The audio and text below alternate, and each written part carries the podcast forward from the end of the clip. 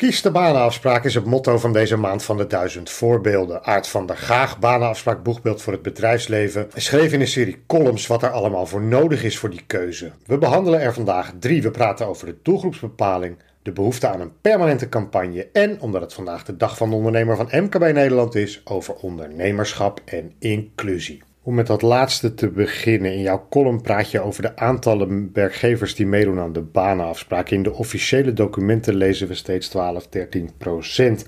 Nu heb jij daar een eigen kijk op. Wij hebben, afgezien van alle ZZP'ers, 325.000 bedrijven met personeel in dienst. Dat zijn alle bedrijven. Doe daar 11, 12 procent uh, van en dan kom je ongeveer op die 36, 38.000 bedrijven uit. Dus in die zin, als je 11, 12 procent gaat zeggen, klopt dat wel. Oké. Ja? Die kan je volgen. Hè? Ik ben er nog, ik ben er nog. Maar waar was de banenafspraak op bedoeld? Die was bedoeld voor MKB-bedrijven boven de 25. Daarvan zijn dus ongeveer 18.000. Ja, op het moment dat er meer dan 36.000 bedrijven tellingen van het UWV meedoen, hebben we dus 200% van de doelgroep bedrijven nu bereikt met de banenafspraak. Let wel, in de werkelijkheid zullen dat niet allemaal bedrijven zijn eh, boven die 25. Er doen dus ook een hele hoop MKB-bedrijven die 10 mensen in dienst hebben, of 15, en misschien zelfs al drie. Ook die ken ik. Die tellingen heeft het UWV in die termen niet allemaal uh, op een rijtje. En het CBS ook niet. Dus dat, wordt dat, dat wordt gokken. Dus het is zeker niet ondenkbaar dat er nog eh, MKB-bedrijven zijn eh, boven de 25 die niet meedoen. Hoeveel weet ik niet. Maar dat de doelstelling meer dan bereikt is, is wel een zekerheid.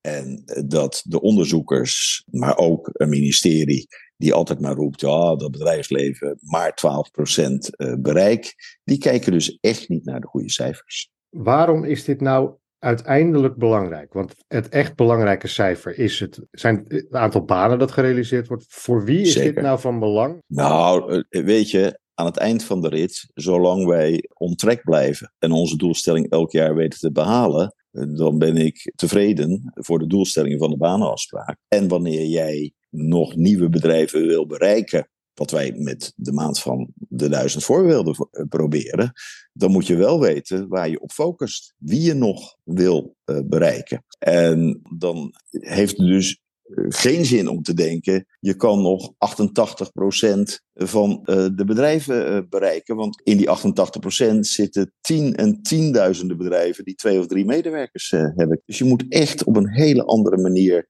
naar je bereik kijken en naar je doelstellingen, ook als je projecten op dit gebied ontwikkelt. Maar ook als je een WSP bent en je wil nieuwe klanten zien te bereiken voor deze doelgroep. Als je zegt, je moet dan andere conclusies trekken, wat is dan jouw conclusie? Ja, een wondermiddel heb ik natuurlijk niet, maar ik heb wel een zekere ervaring. Ik bedoel, uitzendbedrijven hebben altijd vanuit regio's gewerkt en wisten op enig moment hun klanten te bereiken, ook nieuwe klanten te bereiken om hun uitzendkrachten eh, neer te zetten. Nou is de doelgroep waar wij mee te maken hebben net iets lastiger dan een gemiddelde uitzendkracht. Maar toch moet je leren op die manier naar je regionale markt te kijken en bedrijven te doen bereiken om ze daar te kunnen plaatsen. En ik vind dat sommigen dat uh, voortreffelijk doen en anderen hebben daar nog een hele weg in te gaan. In ieder geval een fijnmazige regionale aanpak.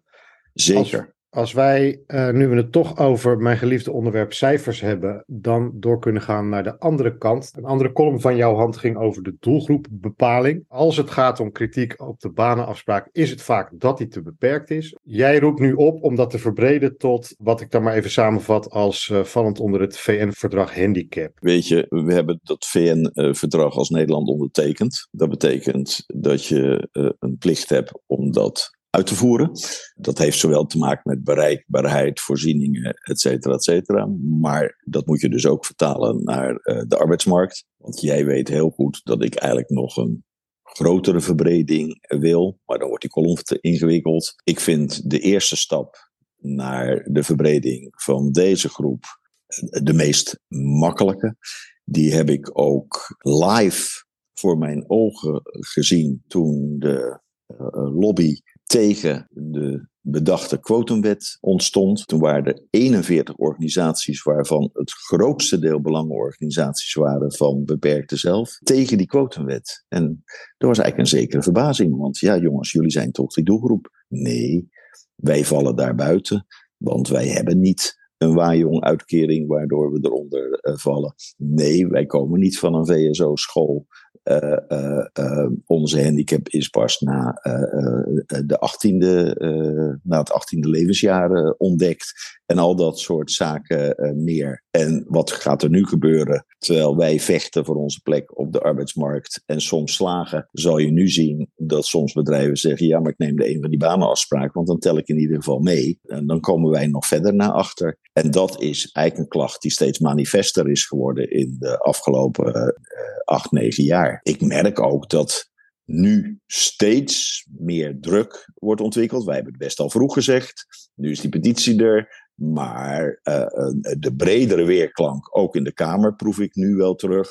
Dat het verbreden van toegang op de arbeidsmarkt van doelgroepen bonton begint te worden. En ik hoop zelfs dat dat ook een belangrijk element in de komende formatiebesprekingen gaat worden. Wat jij eigenlijk zegt is, zet doelgroep niet tegen doelgroep op. Het klassieke argument daartegen wil ik dan toch nog even noemen is, hè, dit is nu de tijd voor de, de mensen die anders altijd onderaan staan. En het andere is dat dit volgens mij ook een rol speelt als je het hebt over de ontwikkelingen op de arbeidsmarkt en de demografie. Ja, weet je, ik ben totaal niet bang voor het verdringingseffect. Eerst plaats heeft deze afgelopen periode uh, bewezen dat we voor, zoals Jette Kleinswijn noemde, de moeilijkste doelgroep die altijd achteraan stond, dat daar plek voor is.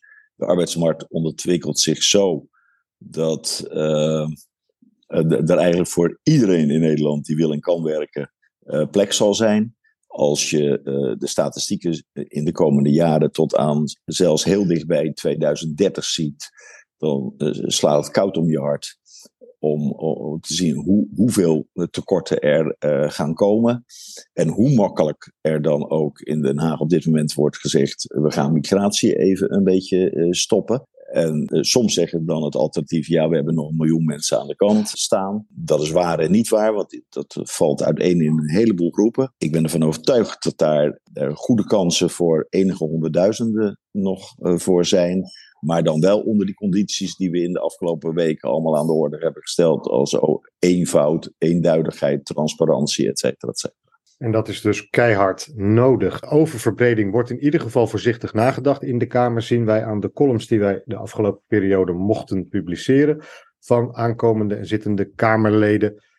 Welk beeld rijst daar bij, bij jou uit op? Nou, het eerste wat ik daarover wil zeggen is dat ik super positief vind dat alle partijen eraan meegedaan hebben. Ik merk ook ongelooflijk weinig politiek onderscheid in visie tussen al uh, deze aanstaande Kamerleden. En dat schept hoop voor een, een, brede coalitie, voor een nieuwe aanpak op de arbeidsmarkt voor mensen met achterstand en in ons, ons specifieke geval mensen met een beperking, waar dan ook uit voortkomend. Uh, dat geeft me dus inderdaad enorme hoop. En ik vind ook dat de Kamerleden uh, met enthousiasme er nou, op jouw verzoek hebben gereageerd, maar ook over geschreven hebben. Feit dat ze erover geschreven hebben, betekent dat het nu voorin in hun hoofd zit. En ik hoop dat dat niet naar achteren verschuift wanneer we over een week de verkiezingen hebben en de formatie eh, begint. Nou ja, dan loopt die maand van de duizend voorbeelden nog, dus daar kan ik me weinig bij voorstellen.